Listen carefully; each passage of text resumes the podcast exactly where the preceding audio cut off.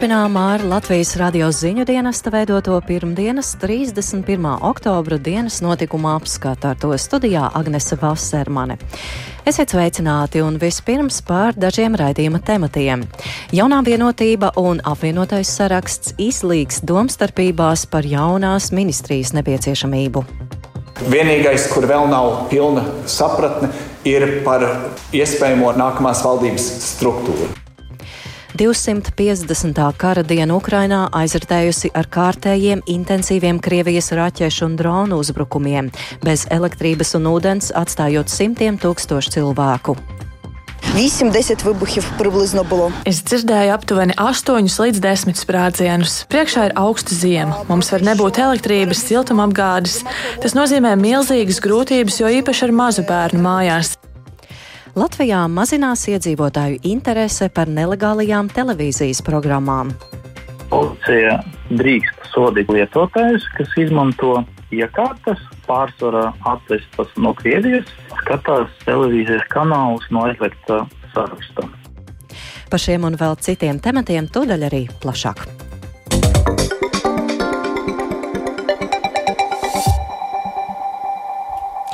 Gandrīz divas stundas ilga prezidenta Egila Levita tikšanās ar premjerministru un nākamās valdības veidotāju Krišāni Kariņu no jaunās vienotības.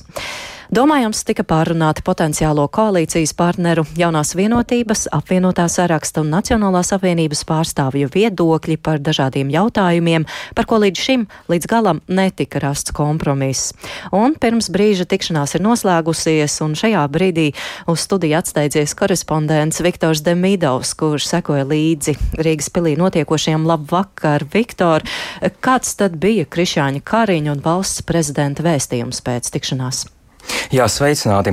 Iesākumā runājot par valsts prezidenta Egilu Levita teikto, tad uh, prezidents paziņoja, ka tagadējais ministru prezidents Krišjānis Kariņš no jaunās vienotības turpinās vadīt jaunās tad koalīcijas veidošanu. Vispirms taču jāvienojas par sadarbības memorandu, par kuru jaunā vienotība ar apvienoto sarakstu turpinās uh, runāt trešdien, un tālāk ir jautājums par valdības struktūru. Nu, prezidents arī norādīja, ka jaunai valdībai ir jāatspoguļo problēmas un problēmu risināšana. Tās, un to var izdarīt, ja, piemēram, ir kāda, ja, ja rodas kaut kādas jaunas grūtības, tad ir jābūt attiecīgam ministru kabineta loceklim, kas tad, tāda tās problēmas kaut kā risinās. Un, piemēram, jaunā vienotība ir piedāvājusi izveidot jaunu, tad, tad enerģētikas, klimata un vides ministriju, vienlaikus saglabājot tagadējo valsts pārvaldē strādājošo skaitu. Uh, savukārt tagadējais ministru prezidents Krišjāns Kariņš uh, pēc uh, šodien trīs stundu ilgušām sarunām ar apvienoto sarakstu informēja mediju pārstāvis par to, ka vispār tās sarunas kopumā virzās pozitīvā virzienā un to, ka jaunā koalīcija beidzot varēs atrisināt, topošā koalīcija beidzot varēs atrisināt tos, tās domstarpības, kas sākotnēji bijušas. Un tad lūdzu paklausīsimies, ko Krišānis Kariņš šodien teica par vairāk nekā trīs stundu ilgajām sarunām pēc tam, kad runāja ar apvienoto sarakstu. Es aizvien neredzu nevienu iemeslu, kāpēc mēs nevarētu vienoties. Vienīgais, kur vēl nav pilna sapratne, ir par iespējamo nākamās valdības struktūru un konkrēti par šādas ministrijas e, izveidi. Bet pilna sapratne ir, ka enerģētika kā tāda ir visaugstākā prioritāte. Teorētiski ir dažādi veidi, kā to varētu censties uzrunāt. Es piedāvāju konkrēti izveidot no esošajām struktūra vienībām. Šobrīd es nesadzirdu nekādu kategorisku pretestību, bet drīzāk gatavību iedziļināties tālāk. Jā, tas Krišāņa Kariņas sacītais, bet Viktor, kad tad mēs varētu sagaidīt, kad jaunā valdība beidzot būs gatava? To vēl pagaidām precīzi nevar pateikt, jo daudz vēl citu jautājumu, kas vēl ir vispār kopumā ir jāatrisina.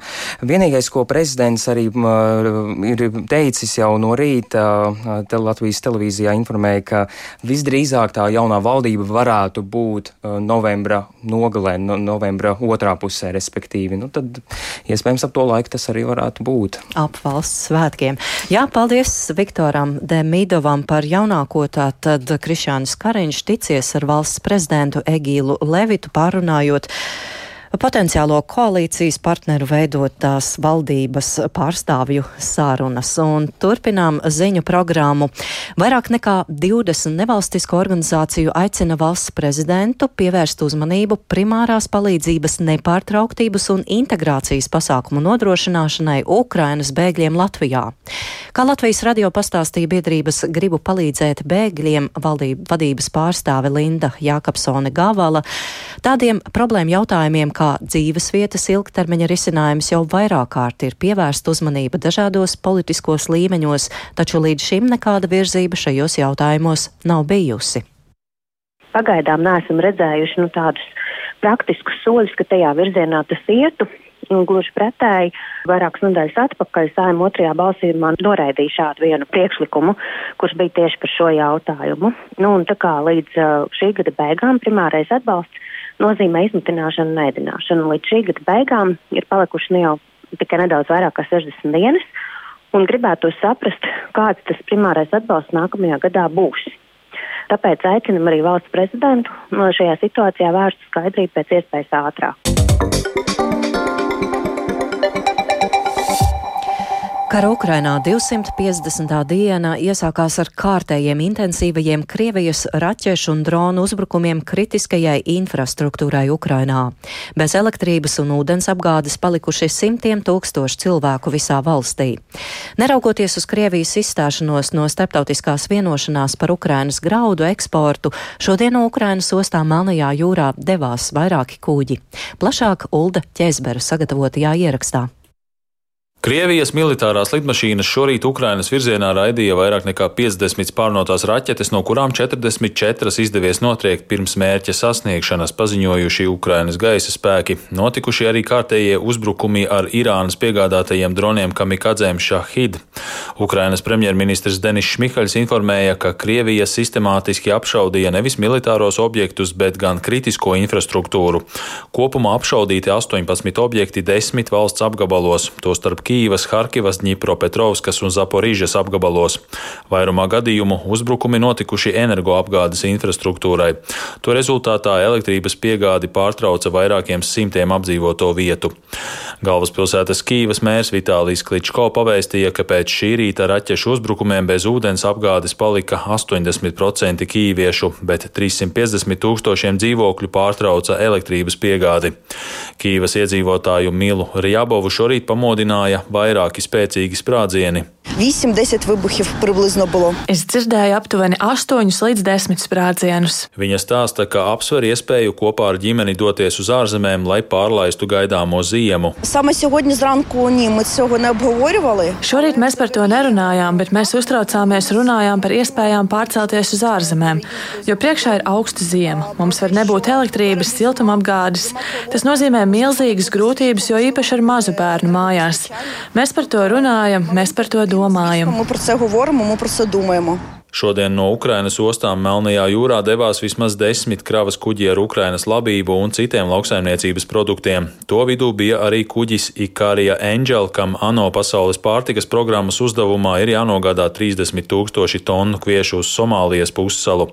Krievija sestdien paziņoja, ka izstājas no starptautiskās vienošanās, kas nodrošināja Ukrainas graudu eksportu caur Melno jūru. Jūlijā Stambulā parakstītās vienošanās izpildi uzraudzīja Turcija. Tās prezidents Reģeps Taips Erdogans šodien sacīja, ka viņa valdība darīs visu, lai arī turpmāk nodrošinātu Ukrainas graudu eksportu. Dünya buğday üretiminin yaklaşık üçte biri Kā zināms, aptuveni trešo daļu no pasaules kviešu produkcijas saražo Ukraina un Krievija. Turcija dara visu iespējamo, lai piegādātu šos kviešus valstīm, kurām draud bats. Ar Stambulā izveidoto kopīgo mehānismu mums ir izdevies relatīvi mīkstināt pārtikas krīzi, piegādājot pasaulē 9,3 miljonus tonu Ukrainas kviešu. Turcija turpinās savus centienus rast risinājumu globālajai pārtikas krīzei, kā to ir darījusi līdz šim. kararlılıkla sürdüreceğiz. Savukārt Kremļa preses sekretārs Dmitrijs Peskovs brīdināja, ka bez Krievijas līdzdalības nebūs iespējams garantēt drošību kuģiem, kuri ar Ukrainas graudiem šķērso Melno jūru. Tikmēr Francija nākusi klajā ar ierosinājumu nodrošināt Ukrainas lauksaimniecības produkcijas eksportu, izmantojot savus zemes koridorus. Francijas lauksaimniecības ministrs Marks Fesno izteicies, ka šādi koridori varētu iet caur Rumānijas vai Polijas teritoriju. Parīze šo ideju ir apspriedusi ar citām Eiropas Savienības dalībvalstīm dalībvalstīm. Kopš Krievijas iebrukuma 24. februārī kara darbībā Ukrainā ir nogalināti vismaz 8000 civiliedzīvotāju, bet vēl vairāk nekā 10 tūkstoši ir ievainoti, paziņojusi Ukrainas ģenerāla prokuratūra. Nogalināto vidū ir 430 bērni. Prokuratūra uzsver, ka šie ir tikai oficiāli apstiprinātie dati, tāpēc patiesais karā bojā gājušo un ievainoto civiliedzīvotāju skaits visticamāk ir lielāks. Uldis Česberis, Latvijas radio.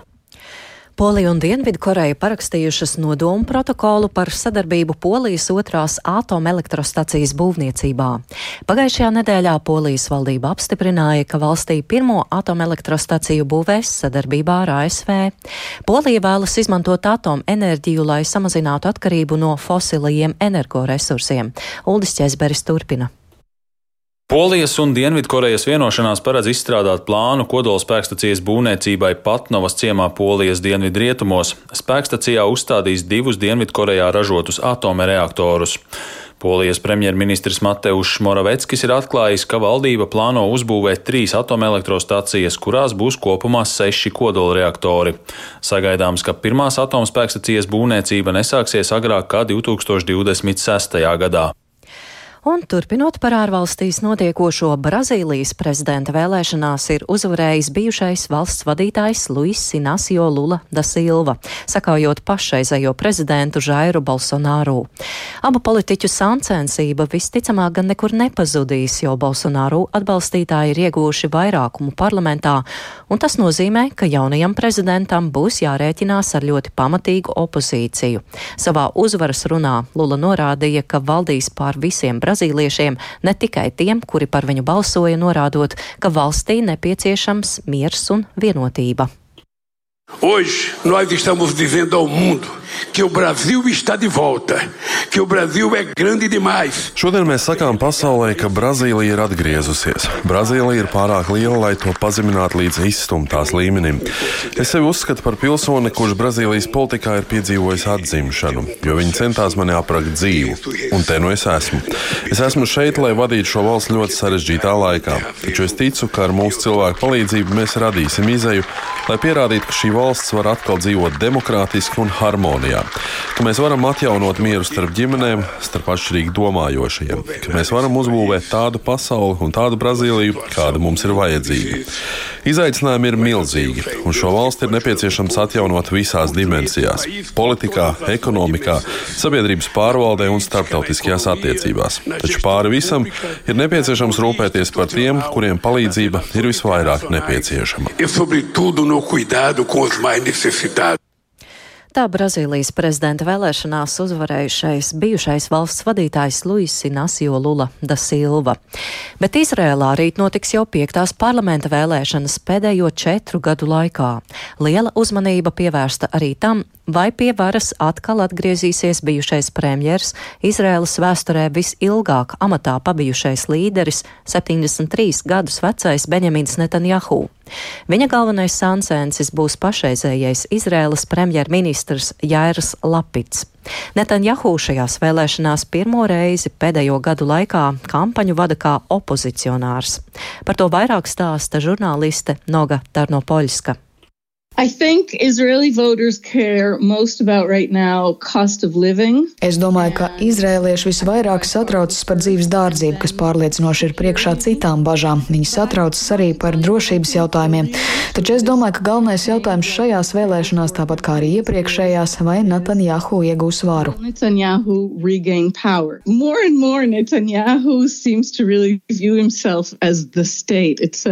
Arvien vairāk Netanjahu sevi šķietami uzskata par valsti. Cik spēcīgs viņš ir, to grūti pateikt. Viņam ir liela atbalstītāju bāze, kas ir aptuveni 25% no visiem balstiesīgajiem. Šie cilvēki balsos par viņu, lai tur vai kas. Tas viņu šajā parlamentārajā demokrātijā, kur ir daudz partiju, var ierindot labā pozīcijā.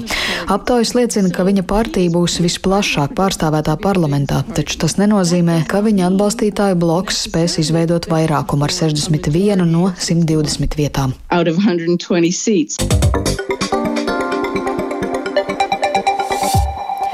Un atgriežamies pie norisēm mūsu valstī. Daugopilī pēc abu totalitāro režīmu slavinošo pieminekļu nojaukšanas turpina sakopt teritoriju. Naktī uz pirmdienu pie pieminekļa pulcējās vairāki simti cilvēku, no kuriem par ālēšanos dzērumā un citiem pārkāpumiem policija aizturēja 37 cilvēkus. Plašāk no Daugopils Renātas Lazdeņas ierakstā. Totalitāro režīmu slavinošie pieminekļi Daugopilī tika pilnībā demontēti aizvadītajā naktī. Šobrīd bijušā slavas skvēra teritorija vēl policijas ierobežota. Tur notiek pēdējie pamatnes demontāžas darbi. Aizvadītajās brīvdienās Daugopilieši pie demontējamajiem pieminekļiem lika ziedus un sveces, uz ko savos sociālo tīklu kontos pilsētniekus mudināja arī mērs no saskaņas ievēlētais Andrēs Elksniņš. Bijušajā Slavas skvērā bija samērā mierīgi līdz vēlam vakaram, kad īsi pirms desmitiem vakarā liels skaits valsts policijas automašīnu aplenca skvēru, lai tur sanākušos vairākus simtus cilvēku lūgtu pamest teritoriju. Lai novērstu apdraudējumu sabiedriskai kārtībai un drošībai, ir slēgta iekļūšana iekļūšana. Brīvprātīgie ziedus un sveces no pieminiekļa pakājas pārlika kravas mašīnās, lai tos pārvest uz brāļu kapiem Pie pieminekļa sanākušie, no kuriem daudzi bija manāmā alkohola reibumā, policijas darbinieku virzienā raidīja rupjus un provokatīvus izsaukumus, tādējādi protestējot pret nepieciešamību pamest teritoriju. Tāpat viena mēs nenācām. Tā ir svēta atmiņa par tēvu, vectēvu, kuri gāja bojā cīnoties ar fašismu, bet tagad mūsu svētumu jauc nost. Построено, кому мешает. Да, тут 9 мая всегда шествие начиналось uzbūvēts, kam traucē. Šeit vienmēr 9. māja gājiens sākās nemirstīgo pulks. Bērni, kas blakus licējā mācījās, viņi izgāja stundu laikā un sveica veterānus. Ja tā loģiski paskatās, stāvēja piemineklis, nevienam netraucēja. Tur nav ne sirpja, ne āmura, vēl jau vairāk latviešu tēlnieks, vietējais. Ja gribēja noņemt pieminekļus, to vajadzēja darīt 90. gadu sākumā. Cik var brīdināt? Cik var brīdināt? Vēl līdz vieniem naktī pārsimts cilvēki joprojām uzturējās netālu no ierobežotās teritorijas, provocēja policijas darbiniekus ar dažādiem izsaukumiem, svilpieniem, karadziesmu skandēšanu un policijas automašīnas apmētājot pudelēm. Kopumā vakar naktī policija aizturēja 37 personas, kā arī uzsākts viens krimināla process par mantas bojāšanu. Turpina valsts policijas pārstāvis Ansis Pumpurs neapmierinātais pūlis, kurš bija apmēram 200, varbūt vairāk cilvēki izpaudās vairāk huligāniskām darbībām un nepakļaušanos valsts policijas prasībām. Tika pieņemts lēmums šo pūli sadalīt un izklīdināt, ko veiksmīgi veica speciāla uzdevuma vienība. Mhm. Situācija pēc pulkstenes diviem jau stabilizējās. Pieminekļu demontāžas darbi Daugopilī ritēja visu nakti. Ilgāku laiku aizņēma bareliefa demontāža. Šai monumenta daļai noteikta mākslinieckā vērtība un tā tiks nodota Latvijas okupācijas muzejam. Pilnībā novākts arī piemineklis, kas atradās iepratīm brāļu kapiem. Tomēr nav īsti skaidrs, kas veica pieminekļu demontāžas darbus, jo pašvaldības izsludinātajā iepirkumā uzvarējusī Sijā Zeļa Zē aģentūrai Lētā apliecinājusi, ka to nav darījusi. Daugopils domas komentāru šajā sakarā vēl nav izdevies uzzināt. Jāatgādina, ka Daugopils doma jau otro reizi vērsusies arī satversmes tiesā apstrīdot pieņemto likumu par pieminekļu demontāžu. Vēl aizvadītajā nedēļā satversmes tiesa Daugopils pieminekļu lietā pieņēma lēmumu par pieteikuma izskatīšanas termiņa pagarināšanu līdz 26. novembrim. Renāta Lazdiņa, Latvijas radio studija Latgalē. Par pieminekļa nojaukšanas lietu un apstrīdēšanu Daugopils dome šodien izvairījās runāt. Latvijas radio neizdevās sazināties nedz ar domes politiskajiem līderiem, nedz izpildu varu. Turpat Daugopilī valsts drošības dienests ir aizturējis arī prokremlisku aktīvistu, kurš sistemātiski paudis atbalstu Krievijas agresīvajam karam pret Ukrainu un veicinājis nacionālo un etnisko naidu Latvijas sabiedrībā. Kā informē valsts drošības dienests, pēdējās dienās šī persona persona aktīvi musinājusi iedzīvotājus vērsties pret padomju okupācijas režīmu slavinošo objektu demontāžu Daugopilī. Šodien aizturētajam piemērots aizdomās turētā status, kā arī vairāki ar brīvības atņemšanu nesaistīti drošības līdzekļi. Aizvadītajā nedēļā drošības dienas Daugopilī ir strādājis pastiprinātā režīmā, fiksējot vairāk nekā 20 cilvēkus, kas varēja apdraudēt pieminekļu demontāžu. Šogad Nacionālā elektronisko plašsaziņas līdzekļu padome kopumā ir slēgusi 132 televīzijas programmas, no kurām lielāko daļu saistībā ar apdraudošu saturu valstī. Tāpat aktīvi bloķē arī tīmekļa vietnes, skaits mērāms jau trijos ciparos. Tikmēr policija kontrolē, vai iedzīvotāji nemēģina saturu patērēt nelegāli. Novērojumi un pētījuma dati liecina, ka interese par šādu saturu ir mazinājusies. Vairāk par to Lindas Spundiņas ierakstā. Televīzijas programmas un tīmekļa vietnes, kas apdraud valsts drošību, Nacionālās elektronisko plašsaziņas līdzekļu padomas priekšsēdētāja vietniece Aurēlija Ieva Druvieta raksturo šādi. Tie ir ieroči informatīvā kara laikā, kuru mērķis ir uzšķerst Latvijas demokrātiju un ļaut tai nosiņot. Citāta beigas. Tāpēc Neplupē ar to cīnās. Visa gada laikā kopumā ierobežoja darbību 132 televīzijas programmām, no kurām 112 programmas slēdza saistībā ar valsts drošību apdraudoša satura izplatīšanu. Turpina Aurēlija Ievdruviete ja tā programma ir ierobežota par satura pārkāpumiem, kā mums ir septiņas programmas, tad šeit sots un ierobežošanas laiks bija viens līdz pieci gadi. Teiksim, ja programma ir ierobežota saistībā ar uzliktajām sankcijām, tad uh, tās programmas ir ierobežotas Latvijā tik ilgi, kamēr šīs sankcijas netiek atceltas. Treškārt, ja programma ir ierobežota saistībā ar to, ka jurisdikcijas valsts, ja valsts, kur šī programma tiek veidota, grauj citas valsts teritoriālo integritāti, kā piemēram Krievija šobrīd, tad eh, šīs programmas nevar atgriezties Latvijā tik ilgi, kamēr uh, Ukraina atkal nav vienota valsts un Krīma un, un citas okupētās teritorijas netiek atdotas atpakaļ Ukrainai. Savukārt septembrī Saima noteica, ka, ja programmas darbība ir pārtraukta, tā apraidē var atgriezties tikai pēc pieciem gadiem. Tāpat Neplupē ir slēgusi 122 tīmekļa vietnes un sagaidām jaunu lēmumu. Mājaslapām bloķē domēna vārdus un slēdz arī spoguļu lapas. Padomu uzskata, ka darbs ir efektīvs. Kopš sāktā kara Ukrainā valsts policija pastiprināti pievērsus uzmanību nelegālā satura lietotāju uzraudzībai. Šogad līdz septembrim policija sākusi 28 administratīvā pārkāpuma lietas par nelegālu sistēmu izmantošanu. Savukārt krimināla procesa ietveros izņēma teju 300 nelegālās sistēmas un nosākti pieci krimināla procesi, skaidro ekonomisko noziegumu apkarošanas pārvaldes otrās nodaļas priekšnieks Vitālijs Polovīnskis. Šobrīd valsts policija drīkst sodīt administratīvi lietotājus, kas izmanto iekārtas, pārsvarā atvestas no, no Krievijas un skatās televīzijas kanālus no aizliegta saraksta. Protams, ka mēs cenšamies ar to cīnīties. Mans viedoklis ir veiksmīgi. Šobrīd tas nenotiek tik vienkārši, tik atklāti, kā bija pirms pieciem gadiem. Policija īpašas kontrolas reidus nerīko. Novērots, ka pārsvarā šādus pakalpojumus izmanto privātmāju iedzīvotāji, un tas notiek visā valsts teritorijā. Arī aptaujas dati liecina, ka iedzīvotāju interese par nelegālu saturu mazinās. Nepulpē sadarbībā ar Latvijas faktiem šovasar veica pētījumu par mēdīju lietošanas paradumiem un arī izmaiņām pēc programmas slēgšanas.